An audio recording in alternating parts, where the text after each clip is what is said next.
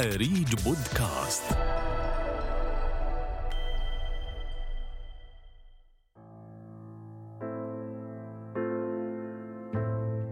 تدعو المواثيق والاتفاقيات الدولية إلى حماية الأطفال من الزج بهم في سوق العمل وتعمل على توجيههم إلى الاهتمام بمستقبلهم ودراستهم بتوفير البيئة المناسبة التي ينمو فيها الطفل. وعلى الرغم من الانسجام بين تلك الاتفاقيات والتشريعات الأردنية الواضحة التي تحظر تشغيل الأطفال الذين لم يكملوا الستة عشر عاماً وتمنع تشغيل الأطفال ما بين 16 إلى 18 عاماً في الأعمال الخطرة إلا أن الواقع يبدو أقوى من تلك التشريعات والتعهدات الدولية. صاحب المزرعة يطلب أطفال صغار بحدود العمر 13 سنة. لأنه تكون الأجرة أقل من اللي عمره كبير بنطلع من الصبح من على الستة بنرجع على الوحدة على الثنتين حسب الشغل أنا فعليا بعتبر وجود طفل داخل مزرعة عبارة عن جريمة بحق الطفل تتفاقم ظاهرة عمالة الأطفال بصورة تهدد المجتمع الأردني فما هي الأسباب التي أدت إلى انتشار ظاهرة عمالة الأطفال؟ وكيف يمكن التغلب عليها؟ وهل تعمل الحكومة الأردنية على الالتزام بتعهداتها الدولية تجاه حماية الأطفال؟ مئة واط من أريج بودكاست إعداد فادي الحمارني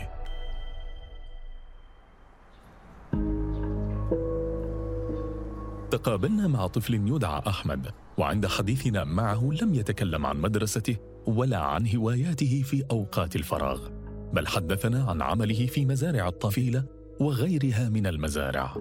فمتى زج بأحمد في سوق العمل في تلك السن ولماذا؟ أنا اسمي أحمد عمري 13 سنة. بشتغل بالطفيل وبغور الصافي وبشتغل بغور الوسطى. بشتغل والله من عمر نجوز ثمان سنين هيك بشتغل بالغور. زلمة بيجينا بده شغالية بنشوف الشغل كيف. إذا شغل بتعب بناخذ مني عشرة. إيه إذا عادي بناخذ مني خمسات ستات. بنتفق معاه متى بنقول لنا بنطلع من من الصبح من على الستة بنطلع مع صاحب الديانة. لما يمشي على بطب ها؟ عادي السيارة بتطير وبترجع تحت. وإحنا بنقع وبنمسك منيح. ما مسكنا منيح بنقع جوا الديانة. وبنطلع بنشتغل. بنرجع على الوحدة على الثنتين حسب الشغل قديش باخذ معانا. بنرجع العصر العصر بنشتغل ثلاث ساعات. بنرجع على الستة. آه تسع ساعات باليوم. وشغل كان كثير كثير. والزلمة بتحكم بينا تحكم بده شيء إلا نشيله بدينا لما أروح عند الوكيل أنا بقول له تعبان بدي أرتاح. بقول لي لما نخلص هذوك شوية بتروح ترتاح.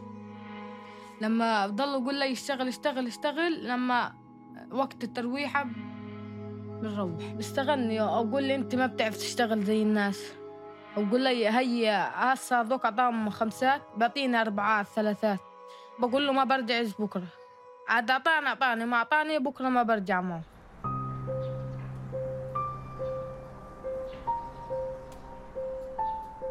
منذ السادسة صباحا يخرج أحمد من بيته. ليركب سيارة مسرعة مع أطفال قصر وشباب وكبار وعليه أن يحافظ على توازنه حتى لا يسقط من السيارة.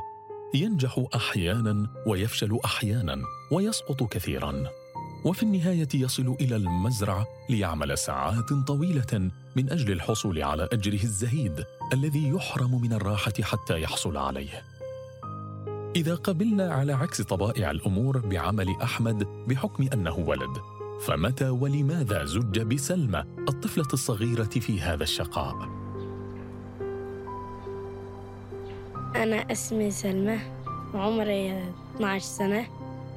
من منطقة دير على طوال الجنوبي أول ما بلشت شغل كان عمري هيك عشر سنين. وأعطوني إيجار الخط تقريبا هيك 30 متر أو 35 متر وأعطونا على الخط بس ربع دينار. وبعد هذا كان عمري 11 سنة 10 سنين. وصار عمري 12 بلشت هون بزراعة ملفوف. مرات معي عشر أطفال بيشتغلوا معي وعمرهم قد عمري مثل عمري. وفي كمان معانا هيك كم مرة. كنا نشتغل من الساعة الستة ونروح يمكن هيك عند العصرية عند بعد الظهر. مرات نروح المغرب. وشغلنا كان هيك صعب برجلينا من هان كله هيك يصيبنا وجع من هون. مرات زرعت بصل هيك روحت وأنا ماشي هيك صار يضربني وجع. كل ما أمشي شوية أرتاح نتفة كل ما أمشي نتفة أرتاح. رحت على الدكتور هذا سبب الوجع بالمزارع. وقال لي تمشيش عليها كثير وأعطاني علاج دواء هيك مشروب بزاز قال لي دهنيها باليوم ثلاث مرات. وعملت زي ما قالوا هيك من ثاني يوم يقولوا لنا في شغل. فرحت على الشغل قلت خلت من الدواء هيك الندفع عشان إذا صارت توجعني بحط منه. آه سبحان الله صارت توجعني. رحت قعدت ارتحت حطيت بزاز سألني ليش قعدت قلت له بس كده اشرب مي. عشان ما يطردنيش من الشغل. رديت قمت هيك ظليت كملت الخط. كملت الخط. ردينا حولنا على الخط الثاني. على الخط الثالث وروحنا جوز هيك على المغرب هذاك المرة. آه ويوم انت روحت ورجلي صارت توجعني.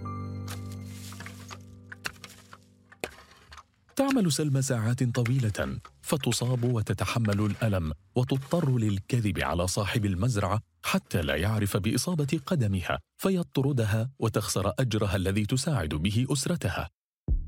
فسألنا من ينظم هذه العملية ويجمع هؤلاء الصبية من بيوتهم ويدفع بهم إلى العمل والشقاء في تلك السن الصغيرة.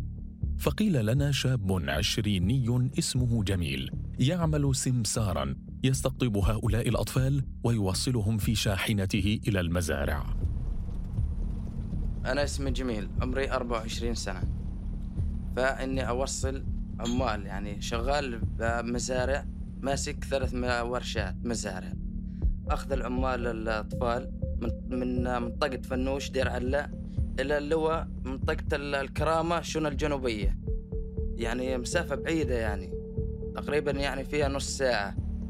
يعني وسيارات يعني وكوارث يعني لا سمح الله راح يصير يعني عشان مسافة بعيدة. وأقل إشي يعني أمشي عشان ألحق بين الطرف هذا والطرف هذا. أقل إشي من آه، السرعة مية. ولما أكون مروح بدها تكون السرعة أقل أكون محمل.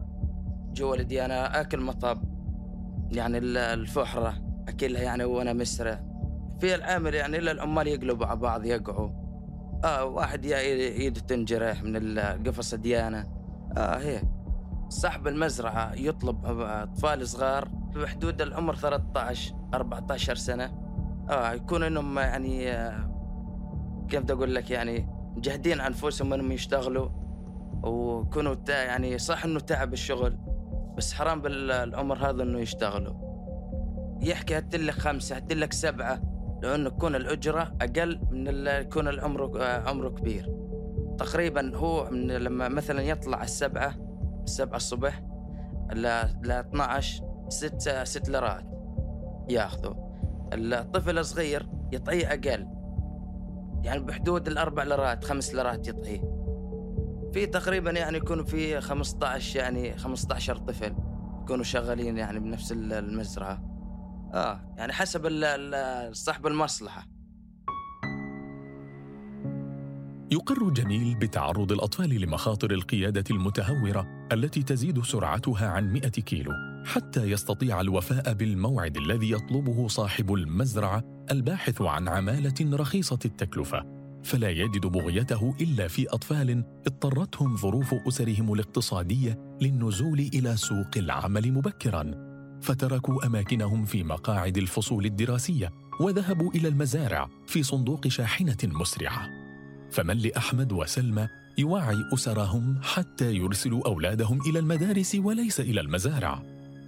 تقابلنا مع منيره الشطي الميسرة المجتمعية في جمعية تمكين للمساعدة القانونية هلا إحنا من ضمن الخدمات اللي بنشتغل عليها اللي هي الجلسات رفع الوعي القانوني بقانون العمل الأردني والحماية الاجتماعية بالإضافة لعمل الأطفال ومكافحة الاتجار بالبشر والمشاريع الزراعية. أغلب الأطفال بيكونوا موجودين بالجلسات هم من العاملين بالقطاع الزراعي. آخر ست شهور آه، تقريبا قدمنا ما- 25 جلسة عمل طفل. طبعا الحضور من الجنسين الذكر والإناث وهم طبعا دون سن 18 سنة.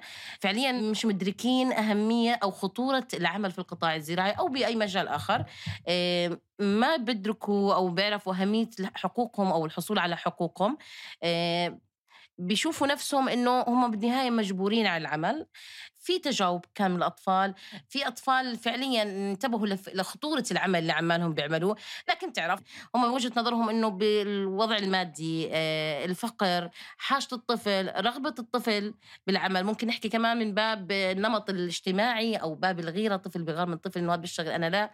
ممكن نحكي عن أسباب خاصة بالطفل إنه ممكن يشتري بطاقة تليفون أو بده يشتري تليفون جديد. فالأسباب مختلفة من بوجهة نظر الأطفال لكن هي الأسباب فعليا آه، كبيرة. وخطيرة للي بيعرفها الطفل اللي بيعرفها أو ممكن يدرك أهميتها. إحنا عم بنحاول دائما إنه نوصل الطفل إنه أنت بالنهايه في لك حق لازم تحافظ عليه اللي هو تعليمك وصحتك.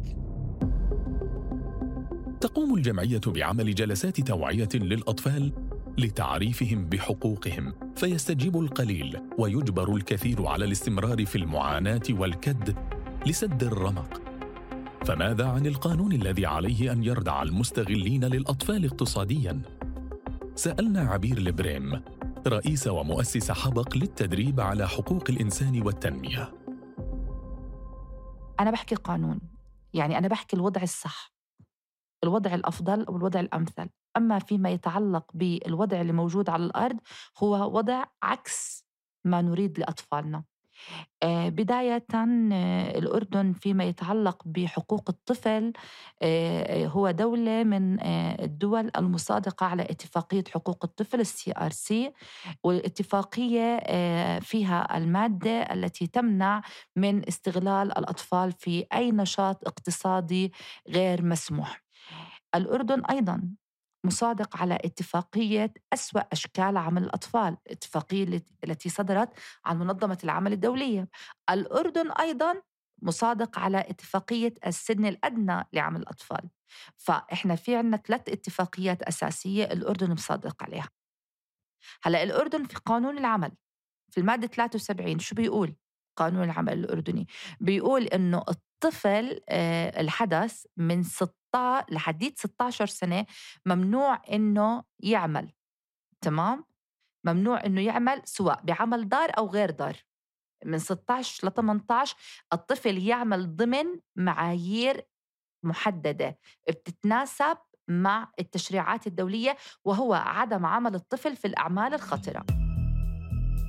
ذكرت السيدة لبريم أن هناك تناقضا بين تعهدات الأردن الدولية المنسجمة مع قانونه الذي يحظر بشكل واضح وصريح عمل الأطفال أقل من 16 عاماً مع الواقع.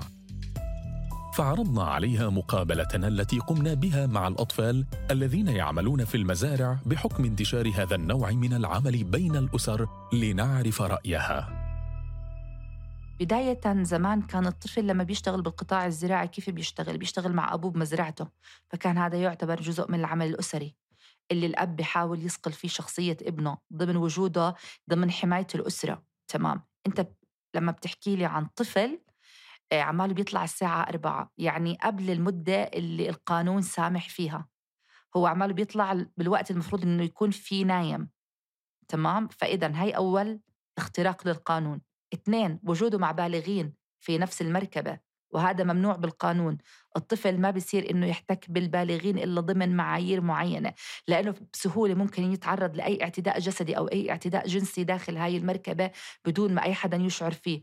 ممكن يصير حادث في المركبة لأنه العدد كبير وهو مش خاضع لأي حماية قانونية فالطفل ممكن يموت. فاذا أنت بتحكي بداية لسه قبل ما يدخل المزرعة عن مجموعة من التجاوزات القانونية. لأنه الطفل داخل المزرعة عماله بيتعرض لنوع من أنواع العمل الضار البحت التي يمنع القانون أن يعمل فيها الطفل حتى لو كان من سن 16 ل 18 في عندنا مجموعة من الأخطار الكيميائية مجموعة من الأخطار الميكانيكية مجموعة من الأخطار الأرجومانية مجموعة من الأخطار المتعددة التي يتعرضها الطفل.